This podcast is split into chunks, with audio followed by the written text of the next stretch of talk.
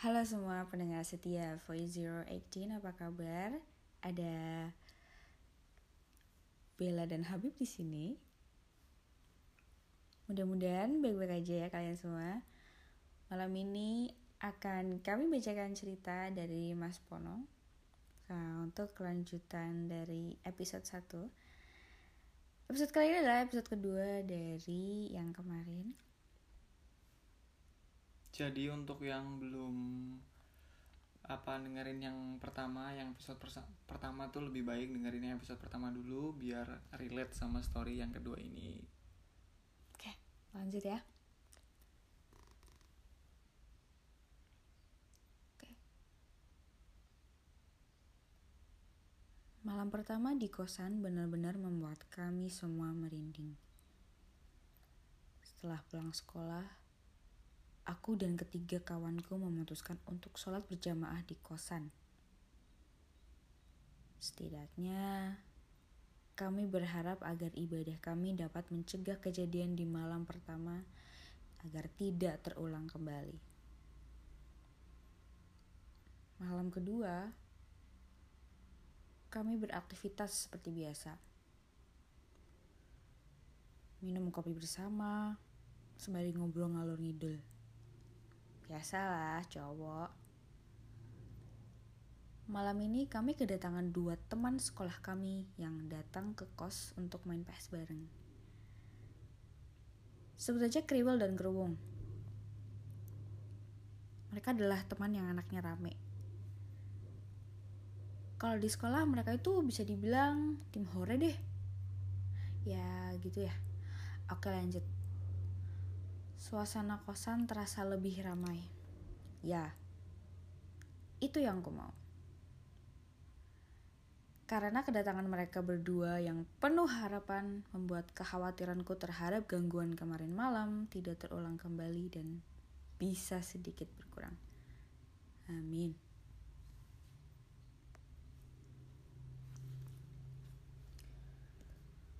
Kalau teman sudah kumpul, apalagi cowok, sudah bias sudah bisa dipastikan pasti kami suka guyon. Nggak kerasa menuju jam setengah jam tengah malam saat kami sedang asik-asiknya bercanda tiba-tiba terdengar suara wanita menangis. Kami terdiam. Suara siapa itu cok? tanya kriwil. Nggak tahu. Coba coba sana cek an kali aja anak kosan depan lagi galau kan terus nangis depan kamar gitu. Sau Jamal sedikit cemas. Oh iya lupa untuk sekedar informasi tambahan kalau di depan kosan kami terdapat rumah yang dikontrakan juga. Ya bisa dibilang itu seberang jalan cuma dipisahkan sama jalan gitu jalan poros. Dan kosan depan itu yang nempatin cewek kalau kosan kami kan kosan cowok gitu. oke balik lagi Akhirnya, Aan meriksa sumber suara tangisan yang mengagetkan dan menakutkan itu. Aan bergegas mengecek keluar. Dan kami hanya terdiam. Berharap-harap cemas menunggu kepulangan Aan dari pintu depan. Untuk kembali ke ruang tamu agar dapat bercanda bersama kami kembali. Tidak selama akhirnya Aan kembali. Lagi-lagi dia datang dengan wajah bingung. Kami serempak bertanya kepada Aan. Piye, Cok? Tanya kami harap-harap cemas. Sampai ruang tamu suaranya hilang. Aku cek depan pintu gak ada siapa-siapa. Jawab Aan datar waktu itu. Seriusan lu, sahutku memastikan dan melotot. Anjir, sekarang jam 12-an, Cok, kata Jamal. Anjing gue merinding bangsat, sahut kerubung. Lagi-lagi tangisan itu terdengar kembali. Langsung deh atau merinding sekujur badan ini. Anjir suara siapa sih itu? Tanyaku takut. Ngecek bareng lah, tambahku. Aku dan kelima kawanku akhirnya memberanikan diri untuk memastikan, untuk memeriksa sumber suara yang kali ini berasal dari belakang rumah. Kami buka pintu bersama-sama, namun suara itu tiba-tiba perlahan menjauh. Siapa yang nangis? Tanya Yoyo.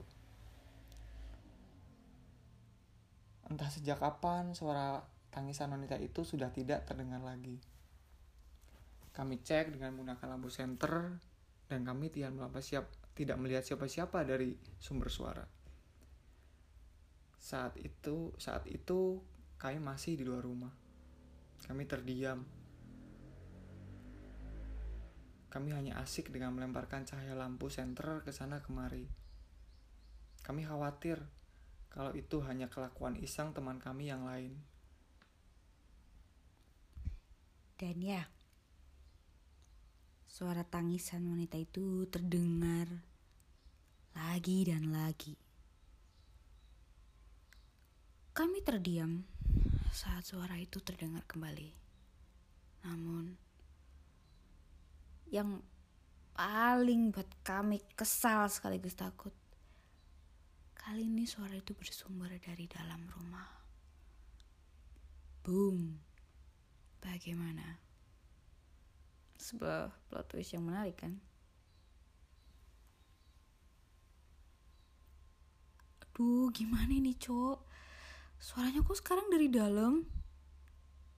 Tanya kriwil liri. Ya sudah, ayo masuk sambil dicek. Ajakku sok tegas. Kami kembali ke dalam rumah dan suara itu makin terdengar jelas. Coba, kalian mulai bingung gak? Kini hanya satu buah lemari bivet yang memisahkan kami dengan sumber suara tersebut gila gila gila jadi tuh suaranya tuh di balik bivet doang gitu di dalam rumah. Kalau emang salah satu di antara kami ada yang berani kan tinggal memastikan siapa sih di balik bivet itu? Iya juga sih. Hmm, Ya kalau dibayangin gitu ya, ada suara yang nggak lu kenal, terus suara itu tuh sebenarnya tuh ada di depan lu ya, cuman kayak kepisah antara suara itu dan lu tuh yang misahin cuman buffet doang, bivet doang gitu ya. Gimana coba bayangin kalau lu ada di posisi si si Pono itu sama kawan-kawannya. Kencing di celana kali gue. nggak kebayang sih kalau yang kayak gitu ih gila serem banget oke oke lanjut ya kami saling tunjuk untuk siapa yang berjalan di depan dan kami pun sepakat untuk menggertakkan bareng anjir gak ada siapa-siapa cok. Kataku heran. Sudah ya sudah. Sekarang kalau kalian dengar suara tangisan yang tangisan gak jelas gak jelas kayak tadi tuh cuekin aja lah. Kata Jamal tegas berusaha menenangkan suasana hati kami yang dari tadi cukup deg-degan karena suara tangisan wanita itu namun kami berusaha tenang menikmati kopi dan duduk di ruang tamu lagi. Kami asik dengan ponsel kami masing-masing. Hal itu membuat kami terdiam. Dan itu juga suara, Saat itu juga kali. Maaf. Oke. Saat itu juga suara tangisan itu muncul dari arah kamar Jamal. Sial, diam anjing. Gak usah nangis di kamar gua. Teriak Jamal kesal dibuatnya. Coba tebak. Suara itu pun tiba-tiba menghilang di telan malam yang semakin larut. Nah, bentak aja kalau suaranya denger lagi, cok. Tuh kan dia diem, kata kerung belaga.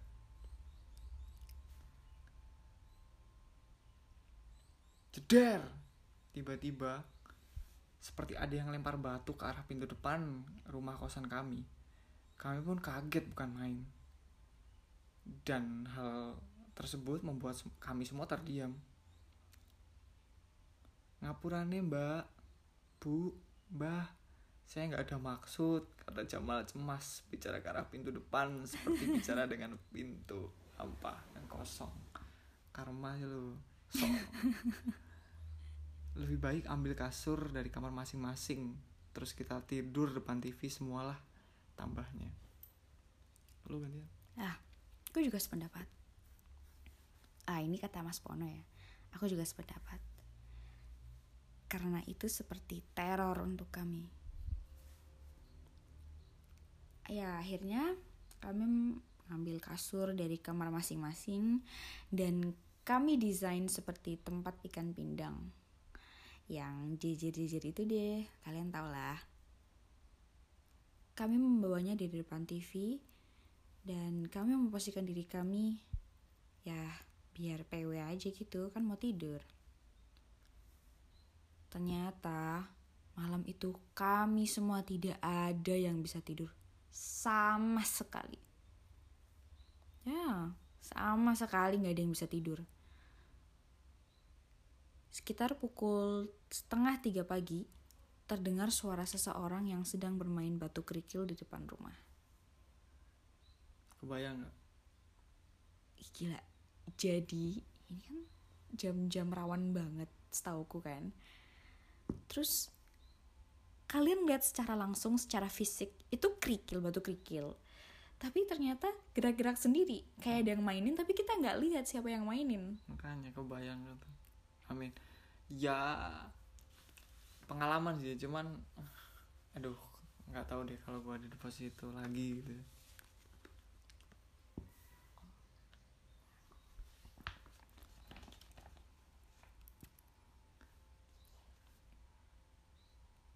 Ternyata malam itu kami semua tidak ada yang bisa tidur sama sekali. Sama sekali. Sekitar pukul setengah tiga pagi, terdengar suara seorang yang sedang bermain batu kerikil depan rumah. Diulang lagi karena tadi kepotong kan ngobrol. Anjir, suara siapa lagi tuh, Cok? Yuk senterin, kata Yoyo was-was.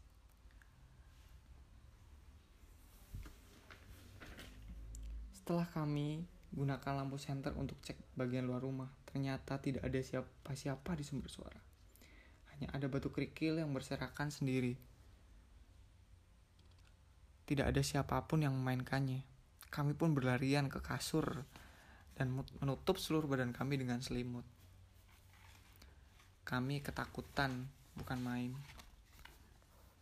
Kami tidak berani membuka selimut kami sampai terdengar azan subuh. Aku merasa lega.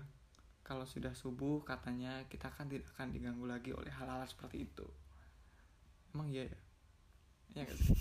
tapi setauku kalau udah aku nggak tahu sih ya yang lu, lu valid pernah ngalamin gak sih? nggak pernah cuman aku pernah denger aja dari orang-orang yang pernah pengalaman katanya kalau udah ada azan subuh artinya kan udah bukan jamnya mereka lagi jadi kayak mereka pergi aku nggak tahu sih Shiftnya udah ganti shiftnya. shiftnya udah ganti Kami memutuskan untuk sholat berjamaah.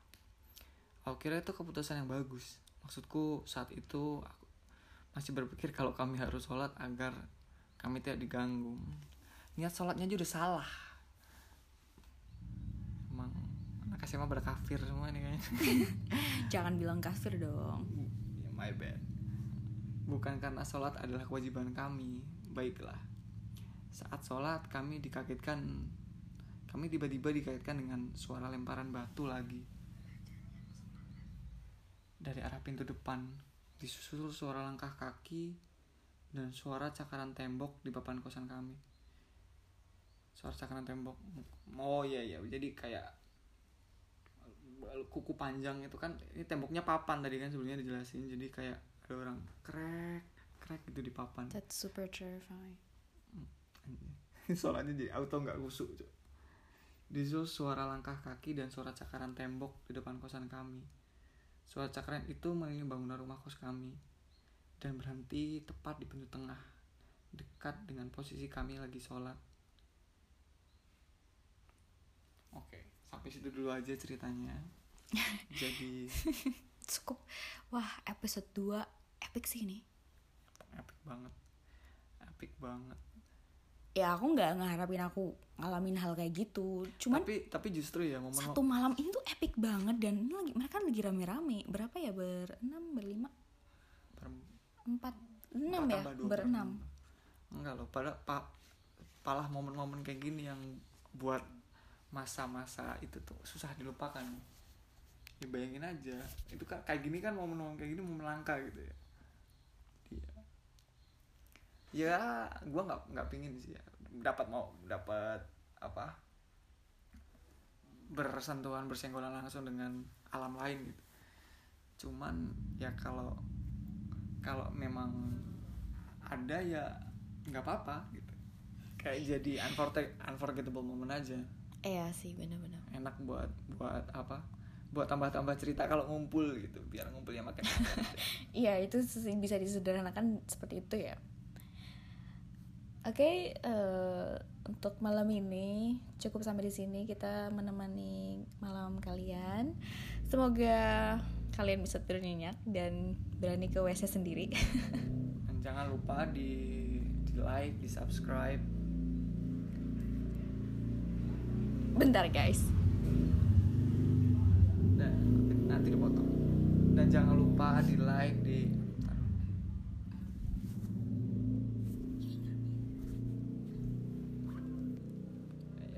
jangan Maaf ya guys, ada iklan dulu. eh, nanti di like di subscribe di share juga ke teman-teman kalian yang suka cerita-cerita horor kayak gini Ah, dan ada info juga, um, Voice 018 sekarang eksklusif ada di Spotify, ada di Facebook fanpage namanya Voice 018, no spasi, no titik, no apa semuanya ada lengkap. YouTube lagi Di OTW, YouTube juga kita lagi berusaha um, lagi OTW buat OTW buat channelnya.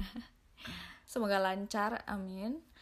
Dan yang jelas yang ada udah ada di ada di Spotify Sama dan di Facebook fanpage-nya Voice 018 dan untuk kalian yang pengen menghubungi kami silakan kontak kami di Instagram dan Facebook. Kalau di Instagram udah jelas di Voice 018 tanpa spasi apa pun langsung diga- digabung aja. Oke guys, em, selamat malam dan sampai jumpa. Halo semua pendengar setia Voice 018, apa kabar? Ada Bella dan Habib di sini. Mudah-mudahan baik-baik aja ya kalian semua. Malam ini akan kami bacakan cerita dari Mas Pono. Nah, untuk kelanjutan dari episode 1. Episode kali ini adalah episode kedua dari yang kemarin. Jadi untuk yang belum apa dengerin yang pertama, yang episode pertama tuh lebih baik dengerin yang episode pertama dulu biar relate sama story yang kedua ini. Oke, lanjut ya. Oke. Malam pertama di kosan benar-benar membuat kami semua merinding. Setelah pulang sekolah, aku dan ketiga kawanku memutuskan untuk sholat berjamaah di kosan. Setidaknya, kami berharap agar ibadah kami dapat mencegah kejadian di malam pertama agar tidak terulang kembali. Malam kedua, kami beraktivitas seperti biasa. Minum kopi bersama, sembari ngobrol ngalur ngidul. Biasalah cowok. Malam ini kami kedatangan dua teman sekolah kami yang datang ke kos untuk main PS bareng. Sebut aja Kriwel dan Gerwong. Mereka adalah teman yang anaknya rame. Kalau di sekolah mereka itu bisa dibilang tim hore deh. Ya gitu ya. Oke lanjut. Suasana kosan terasa lebih ramai. Ya, itu yang aku mau. Karena kedatangan mereka berdua yang penuh harapan membuat kekhawatiranku terhadap gangguan kemarin malam tidak terulang kembali dan bisa sedikit berkurang. Amin.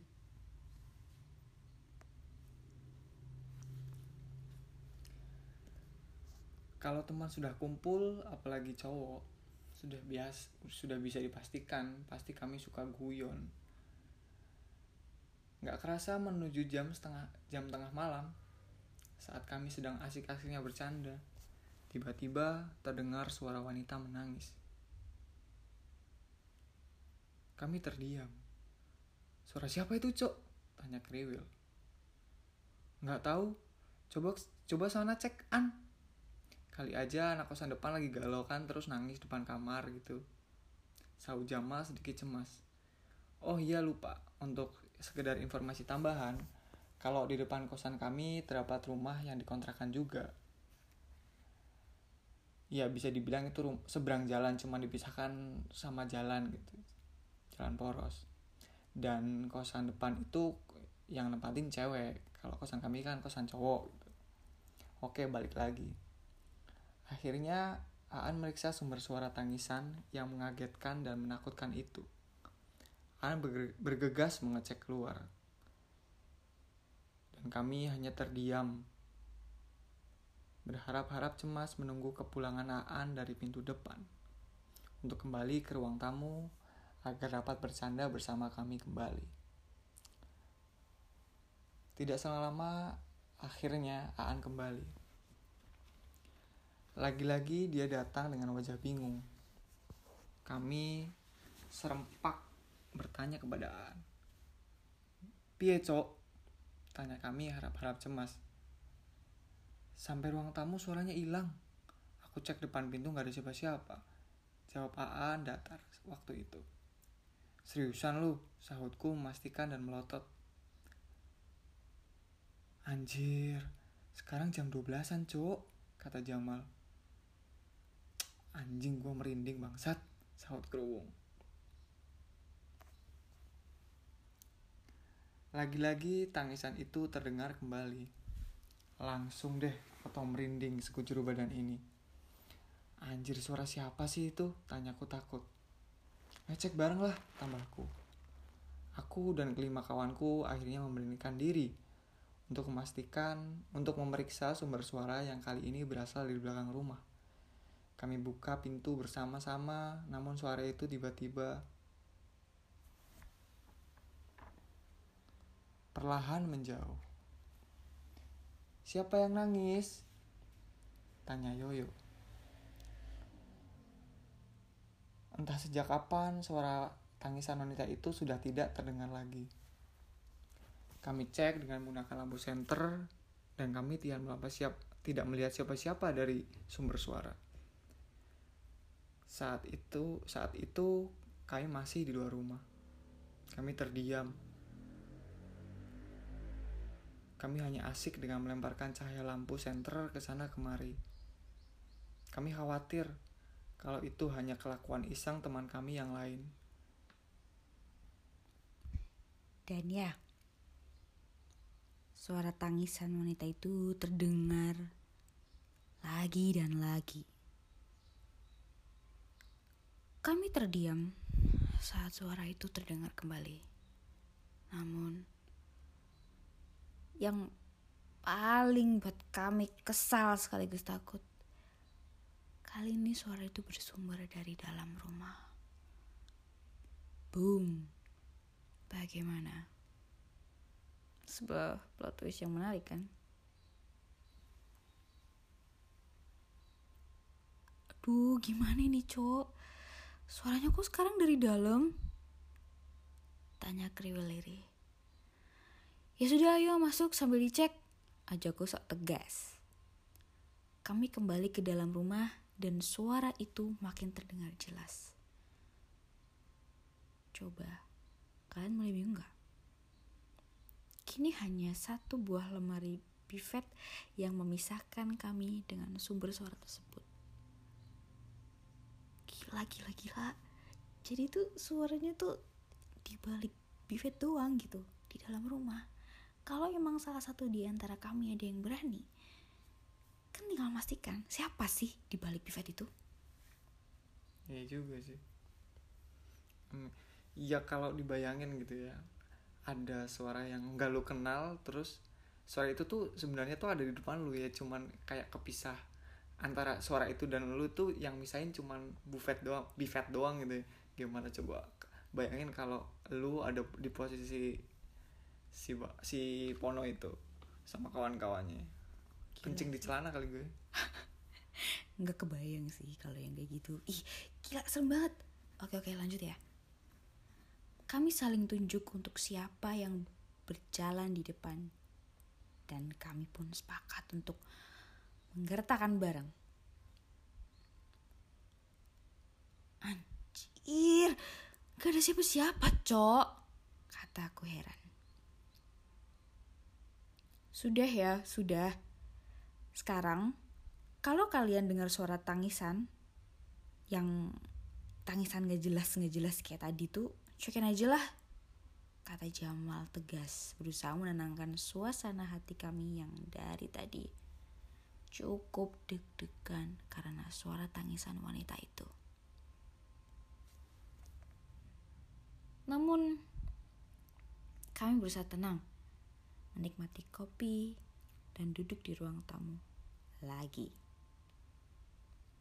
Kami asik dengan ponsel kami masing-masing. Hal itu membuat kami terdiam. Dan itu juga suara. Saat itu juga kali. Maaf. Oke. Oke. Saat itu juga suara tangisan itu muncul dari arah kamar Jamal. Sial, diam anjing. Gak usah nangis di kamar gua. Teriak Jamal kesal dibuatnya. Coba tebak. Suara itu pun tiba-tiba menghilang di telan malam yang semakin larut. Nah, bentak aja kalau suaranya denger lagi, cok. Tuh kan dia diem, kata kerung belaga.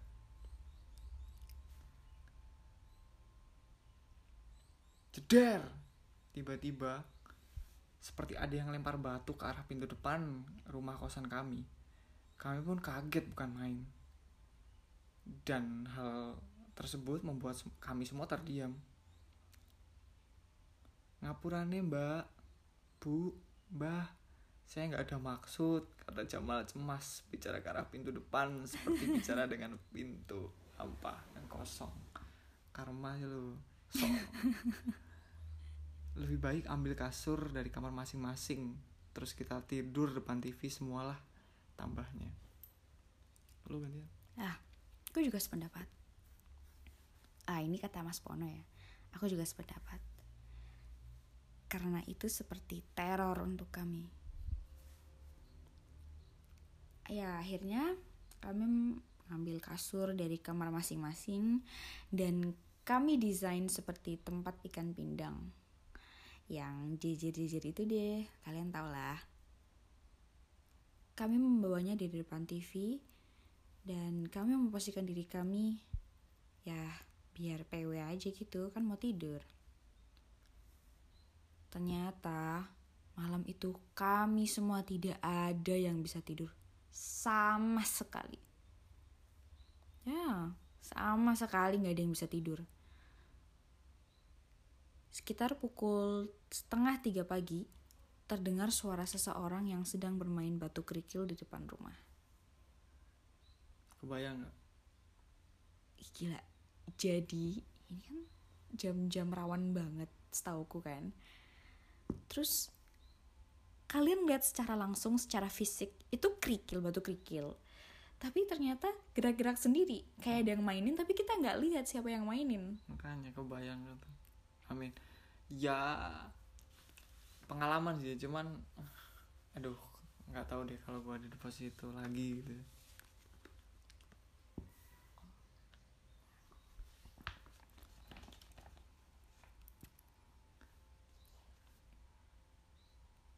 Ternyata malam itu kami semua tidak ada yang bisa tidur sama sekali. Sama sekali.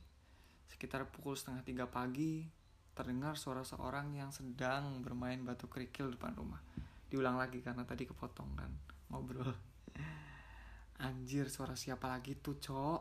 Yuk senterin, kata Yoyo was-was.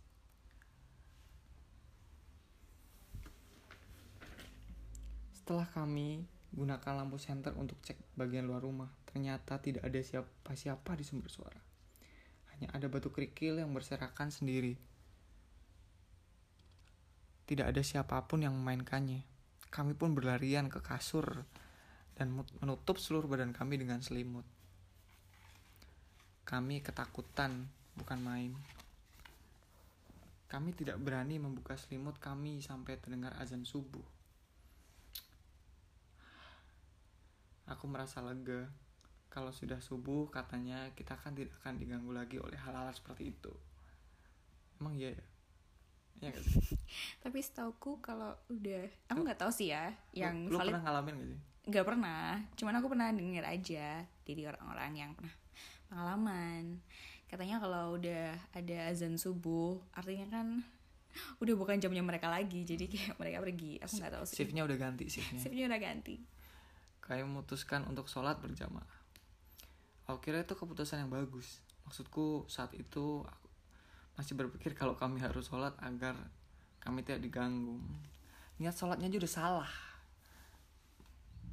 Emang anak SMA pada kafir semua nih kayaknya. jangan bilang kafir dong ya, my bad. Bukan karena sholat adalah kewajiban kami. Baiklah. Saat sholat kami dikagetkan kami tiba-tiba dikaitkan dengan suara lemparan batu lagi.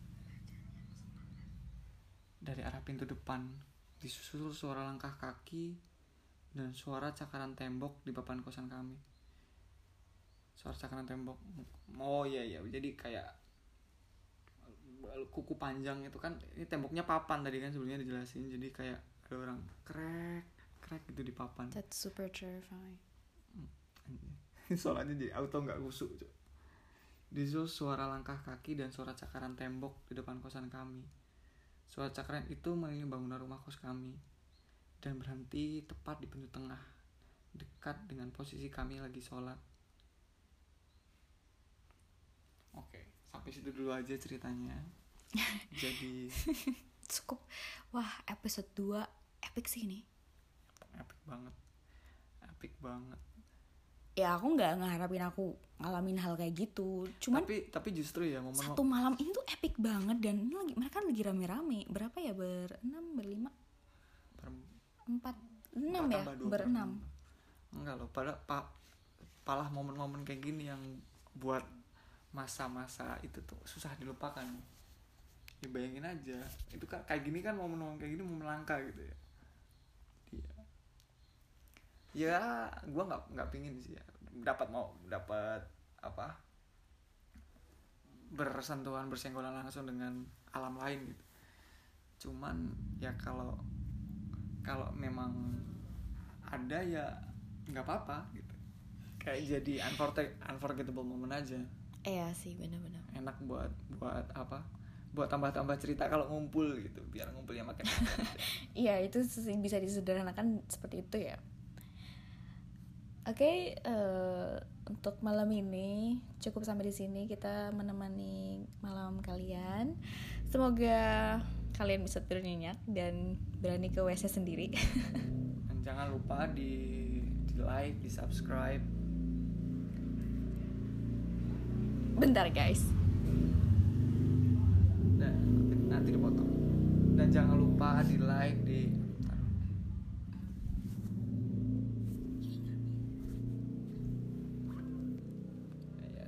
maaf ya guys. Ada iklan dulu. Eh, nanti di like di subscribe di share juga ke teman-teman kalian yang suka cerita-cerita horor kayak gini. Ah, dan ada info juga, um, Voice 018 sekarang eksklusif ada di Spotify, ada di Facebook fanpage namanya Voice 018, no spasi, no titik, no apa semuanya ada lengkap. YouTube lagi Di OTW, YouTube juga kita lagi berusaha um, lagi OTW buat OTW buat channelnya. Semoga lancar, amin.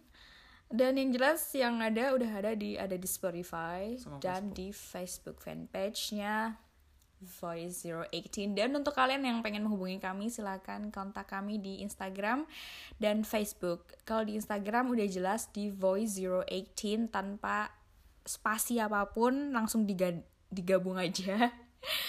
Oke guys, em, selamat malam dan sampai jumpa.